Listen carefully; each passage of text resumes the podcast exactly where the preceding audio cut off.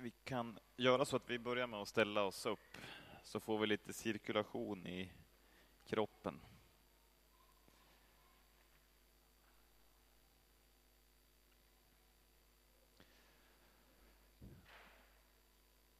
Ja, och nu kanske vi sätter oss ner.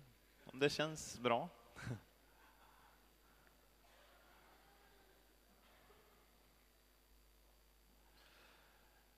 Eh, Förra veckan så predikade Inga-Marta om att Jesus ska sända hjälparen. Hjälparen kommer. Dagens gudstjänst har temat Den helige Ande alltid nära. Vi ska läsa om att Gud under lång tid förberedde sändandet av den helige Ande. Vi ska titta på hur lärjungarna blev uppfyllda, fick ta emot den helige Ande under pingstdagen. Och så ska vi slutligen få titta på och lägga fokus på vem är den helige Ande idag i våra liv?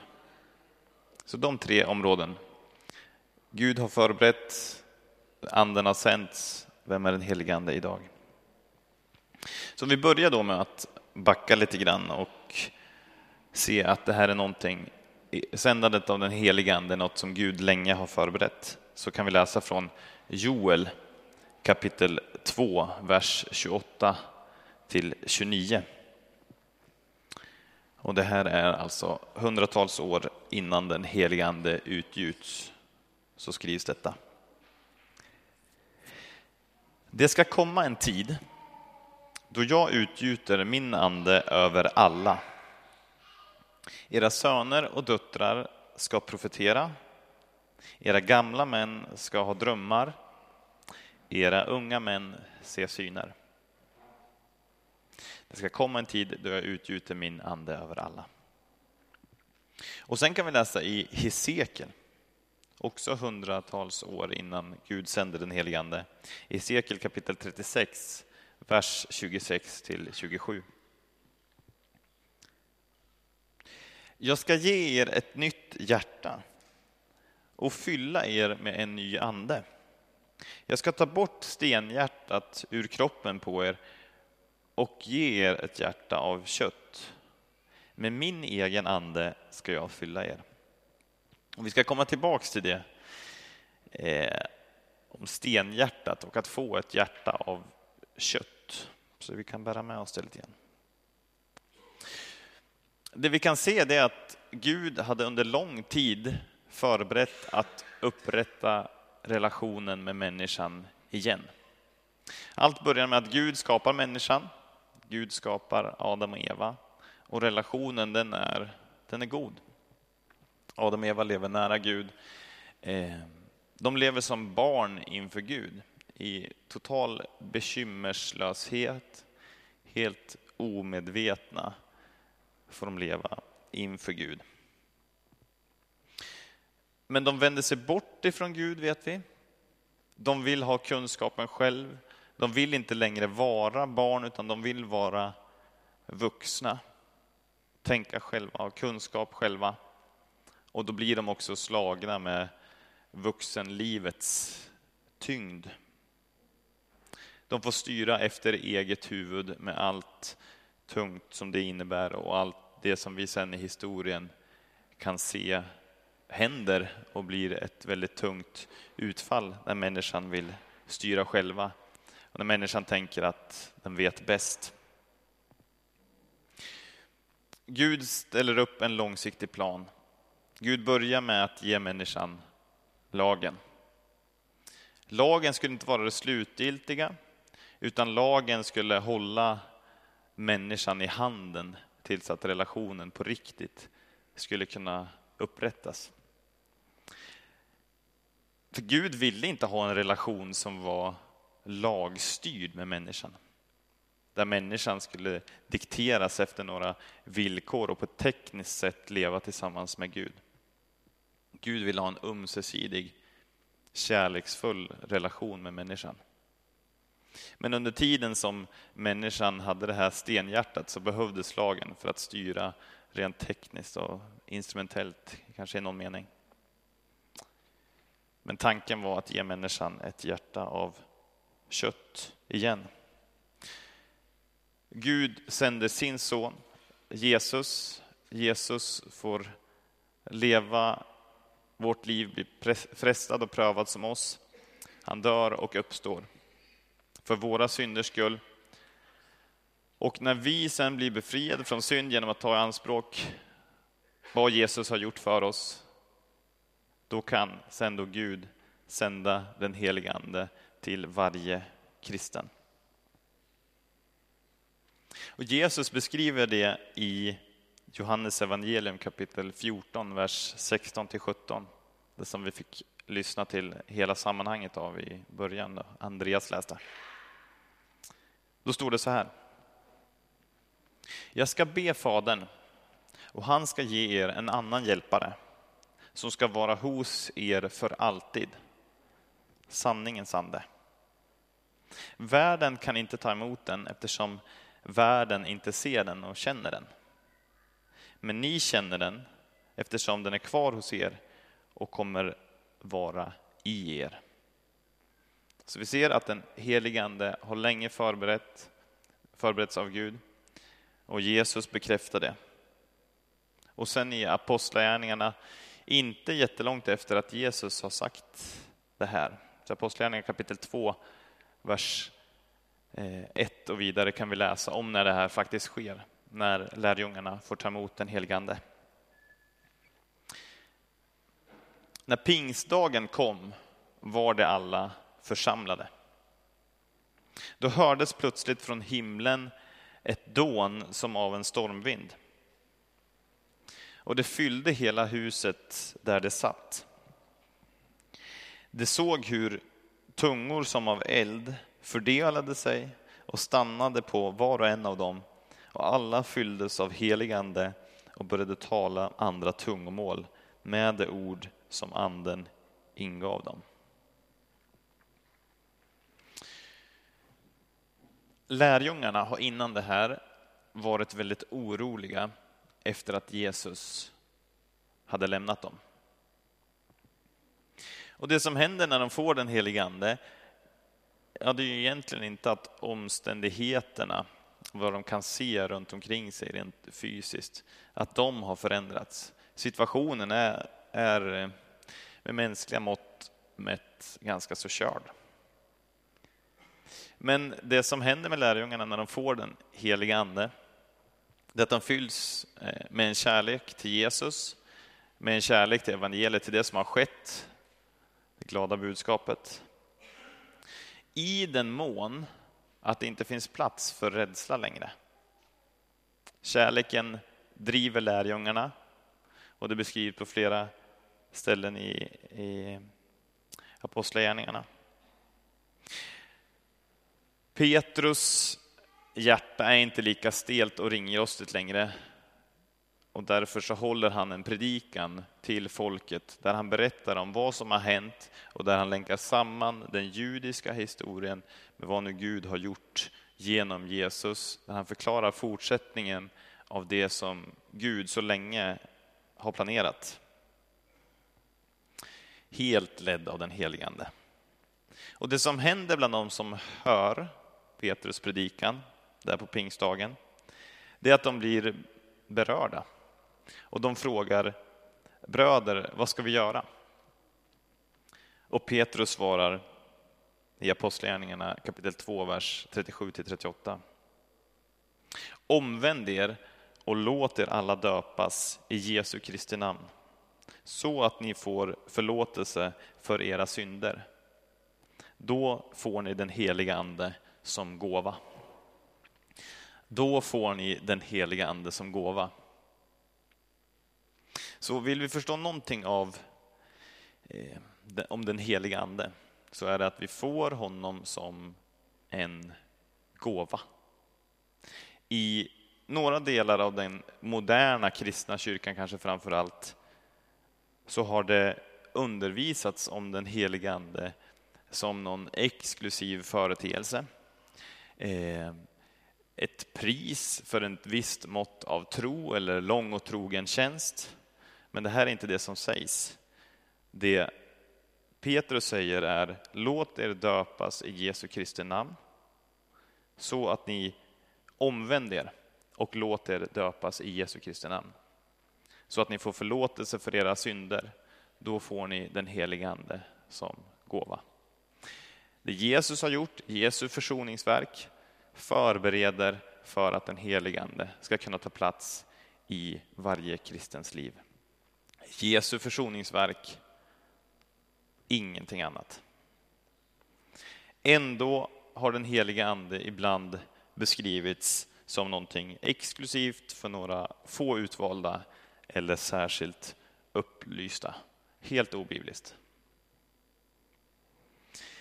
Den helige Ande är en så naturlig del av den kristna människans liv att han ibland kan vara svår att se eller märka. Precis som relationer med våra nära och kära kan vara svår att upptäcka, eller tänka på eller reflektera över när det fungerar. Vill man dra det ännu längre så kan man säga att den helige Ande kanske i någon mån är som luften som vi andas. Nej, men nu börjar du flumma iväg Jonathan. Nu börjar det bli diffus. Ja, men kanske ändå inte. För om den heliga Ande är så nära oss som luften som vi andas så är det inte bara en självklarhet utan det är själva grunden till varför vi lever. Det är själva grundförutsättningen för att vi ska kunna ha liv. Det mest självklara och det mest elementära på samma gång.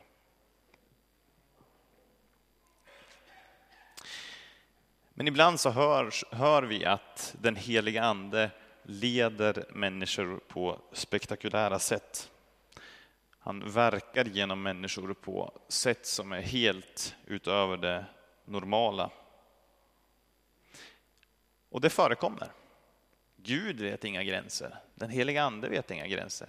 Det förekommer att den heliga Ande agerar som med eldskrift på väggen. Och det gör han när han vill och genom vem han vill för att Guds namn ska bli ärat och upphöjt. Inte på grund av någon människas helighet eller tro. Men den helige Ande är inte i grunden de spektakulära händelserna. Även om det kanske är det som är lättast att fästa sin tanke vid när man tänker på den helige Ande. Den helige Ande är just vardag. För vårt liv med Gud, det bygger ju inte på det där som är utöver det vanliga, utan det bygger just på vardagen. Livet med den heliga Ande bygger ju inte på konferensen eller det enskilda tillfället, utan det bygger ju just på vardagen. Så om ditt kristna liv, om ditt liv med den helige Ande inte är kantat med eldskrift på väggen, mäktiga uppenbarelser eller hörbara tilltal från den helige Ande, så kan det helt enkelt innebära att den helige Ande är med dig och är lika naturlig som luften som du andas. Det ska vi ta till oss. Samtidigt så ska det inte släcka vår längtan att söka oss ännu närmre Gud. Att söka oss att gå nära den helige Ande. Att lyssna till den helige Ande.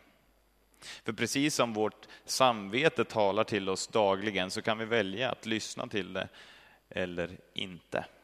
Och precis som den helige Ande talar till oss dagligen så kan vi välja att lyssna till den helige Ande eller att inte göra det. Och vi vill få lyssna till den helige Ande och följa den helige Ande.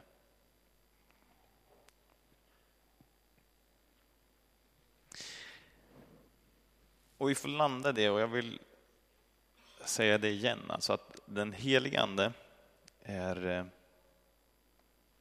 är lika närvarande när en förälder berättar en godnattsaga för sitt barn, eller när du ber, eller när du hänger kläder.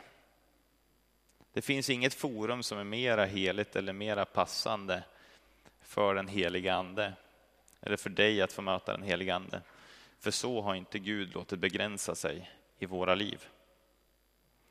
Om inte den helige Ande kan möta oss på alla områden i våra liv, kan då den helige Ande möta oss?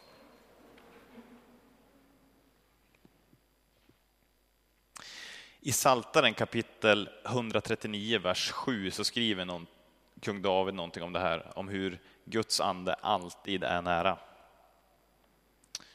Jag skriver från, från vers 7 och vidare. Vart kan jag gå för din ande?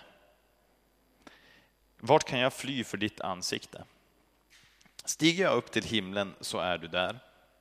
Bäddar jag åt mig i dödsriket så är du där. Tar jag morgonrodnadens vingar, gör mig en boning ytterst i havet. Nu tar han i här David. Ska också där din hand leda mig och din högra hand hålla mig.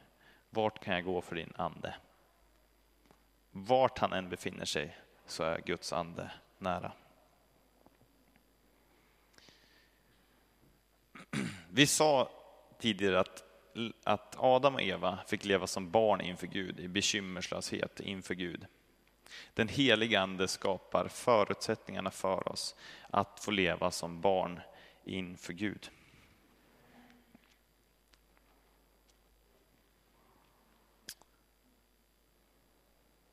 Så vi kan landa i att den helige Ande, han är med dig, han är i dig och som i ditt liv som, som kristen så vill han vara en del av hela din vardag. Han vill att vi lyfter alla våra frågor eh, och alla våra situationer med honom. Han vill ha en ärlig kontakt, ett ärligt samtal eh, snarare än en kontakt som bara tas upp när allting är tillrättalagt och ordnat i livet. Ett ärligt samtal.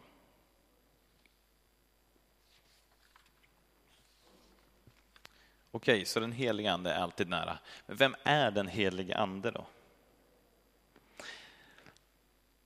Ja, den helige Ande det är ingen som vi står i givakt inför. Den helige Ande det är frihetens ande. Och som vi sa tidigare, den helige ande är den som låter oss få vara barn inför Gud. I Romarbrevet kapitel 8, vers 15 till 16, så kan vi läsa att ni har inte fått en ande som gör er till slavar så att ni måste leva i fruktan igen. Utan ni har fått en ande som ger söners rätt så att vi kan ropa Abba, Fader. Anden själv vittnar tillsammans med vår ande om att vi är Guds barn. Och i den vissheten kan vi få leva just som barn. Och i andra Korinthierbrevet kapitel 3, vers 17 så står det också att, att Herrens ande är frihet. Herren är anden och där Herrens ande är, där är frihet. Och just det här frihetsbegreppet, eller den beskrivningen av den helige Ande, tror jag är väldigt, eh, väldigt central eftersom att om nu lagen var den stela vägen att, att eh, möta Gud, den tekniska vägen, att hålla relationen vid liv som, som genom någon sorts pacemaker, så är den helige Ande det som levande gör, det som ger frihet där vårt hjärta får möta Gud, inte genom strukturer och regler och lagar, utan i en eh, ömsesidighet och en ärlig kärlek. Herrens ande, den helige ande, är frihet. Och när vi öppnar upp oss för den helige ande, när vi bjuder in den helige ande i vår vardag, i vår städdag, i vår jobbdag, i vår söndag, ja då vill han prägla oss. Och då vill han göra oss mer lika Jesus. Han vill ta bort vårt egen fokus och vända vårt fokus mot Jesus och låta oss präglas av honom. Jaha, men får jag inte tänka på mig själv längre då? Är jag själv helt utraderad? Nej, den helige Ande tar oss tillbaks till dem vi verkligen är Guds ursprungliga tanke med våra personligheter, våra karaktärer. Han gör oss så mycket oss själva vi bara kan vara. Men han tar bort den här egoismen, den här tröttande känslan av att hela tiden behöva Eh, hävda sig själv eller behöva synas. Kanske är det lite grann som en förälskelsefas när den heliga ande får, får eh, utlopp i våra liv. I förälskelsen så ser mannen helt och hållet till kvinnans önskningar, behov och kvinnan ser helt och hållet till mannens önskningar och behov och glömmer i viss mån sig själv. Inte som någon tung kostnad utan någonting helt naturligt som sker i förälskelsens fas. Mannen och kvinnan betalar hur mycket som helst av sina egna intressen, sina egna önskningar, men det känns som att det inte kostar någonting alls. För att det vilar på en ärlig kärlek. Och på samma sätt är vårt utgivande liv, vårt tjänande liv som kristna, när den heliga Ande finns i botten, när den heliga Ande driver oss med sin kärlek, så kostar det massor, men det är ändå så fjäderlätt. Den heliga Ande vill helga människan, vill göra oss var och en och oss som församling och som sammanhang mer Kristuslika. Och när den här processen sker så är det frukter som blir synliga i människans liv. När den helige Ande får prägla människan. Och om de här frukterna så står det i Galaterbrevet kapitel 5, vers 22 till 23. Andens frukt däremot är kärlek, glädje, frid, tålamod, vänlighet, godhet, trohet, mildhet och självbehärskning. Men det här är väldigt grundläggande ord eller företeelser, så vi ska stanna vid vart och ett av dem lite kort. Kärlek. Ja, kärlek att älska människor och se människor som Guds älskade barn. Och inte bara se människor utifrån de handlingar eller deras uppförande. Utan se människor som Guds älskade barn. Låta den heligande, eh, låta den heligande ge oss det perspektivet. Frukten glädje ja, glädje att se Guds finger i vardagen. Att se att trots att livet är mycket brustenhet och, och, och sorg, så finns det också väldigt mycket vackert och väldigt mycket som man kan få, få skratta åt och vara glad över. Frid. Ja, att i livets storm ändå få känna en frid hos Gud. Att Gud håller allting i sin hand. Att han har sista ordet. Den en frid som det också beskrivs är över vårt förstånd och där vi kanske inte alltid kan förklara utifrån omständigheterna hur vi ändå kan ha ett, en frid i hjärtat, men det är en, en frid som den helige Ande ger oss tålamod som en av frukterna som den helige Ande vill låta växa i våra liv. Tålamod med familjen kanske. Eh, tålamod med vänner, arbetskamrater. Tålamod med oss själva. Eh, egenheter som vi har för oss. Livets skeenden. Tålamod med att det liv som jag kanske hade tänkt mig, den ordningen som jag hade tänkt mig att livet skulle rulla på. Att det kanske inte sker precis i den tid som jag har tänkt mig. Och ha tålamod med livet och se att Gud möter mig precis där jag är, inte där jag kanske har en tanke om att jag borde vara. Att inte gå i förväg utan att, att njuta av livets skeenden. Vänlighet. Ja, Kanske ibland valet att, att förlora diskussionen, men att vinna i omsorg om den andra. Godhet. Eh, att önska välmående för den andra. Att kanske ge av sin tid och sin energi eller sin ekonomi för den andres välmående.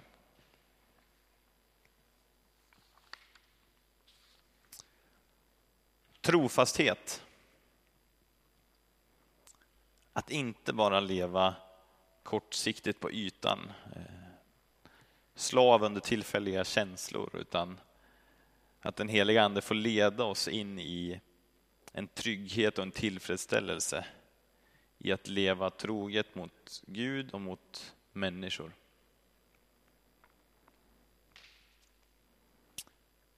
Ödmjukhet. Ja, en, en vän till mig när jag gick på gymnasiet, han fick ett all, allvarligt samtal med sin pappa. Och pappan sa det att du Rickard, du är en bra grabb på många sätt, men du skulle behöva bli mer ödmjuk. Va? Ska jag behöva bli mer ödmjuk? Jag är lätt ödmjukast av alla killar i hela klassen. Ja, då blir vi lite fundersamma, va? om man uttrycker sig så. Ödmjukhet. Den helige Ande, när den helige Ande ger mig en förståelse av Guds storhet och Guds nåd över mitt liv, så leder det mig till en position av ödmjukhet.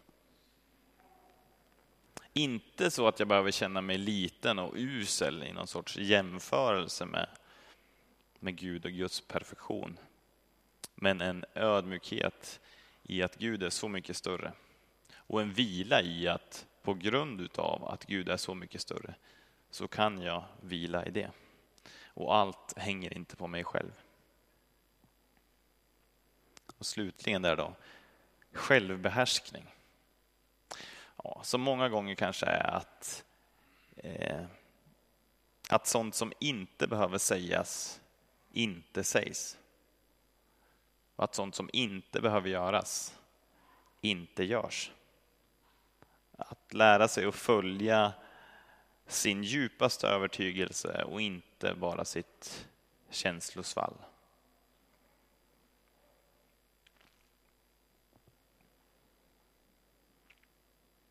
Mm. De här frukterna de blir ett vittnesbörd i varje människas liv om vem Gud är. De här frukterna blir ett vittnesbörd från församlingen om vem Gud är, när de får finnas funktion i församlingen. Tänk att få vara en församling som inte är känd för att de har en viss teologi, som inte är känd för en viss lokal eller kyrka, utan som är känd för att i det sammanhanget, där är de glada. I det sammanhanget, där ser jag kärlek. I det sammanhanget får jag uppleva kärlek och i det sammanhanget, bland dem, kan man känna frid. Vilket vittnesbörd.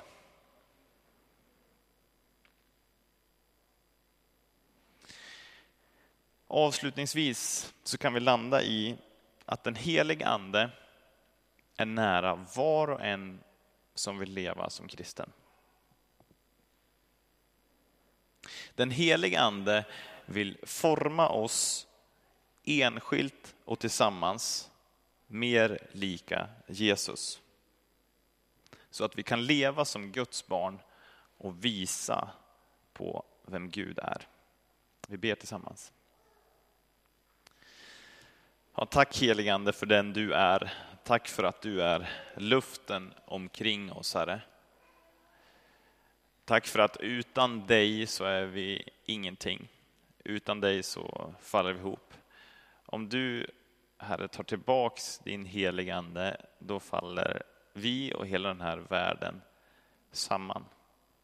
Låt den vetskapen göra oss ödmjuka när vi vänder oss till dig, Herre. Låt oss få landa i att du, helige Ande, är ingen person som vi möter i något särskilt forum, vid någon särskild tid, på någon särskild plats, utan du är alltid nära oss. Du vill alltid möta oss, Herre. Låt det landa i våra liv så att vi kan få leva nära dig, Herre, och visa för människor på vem du är. Amen.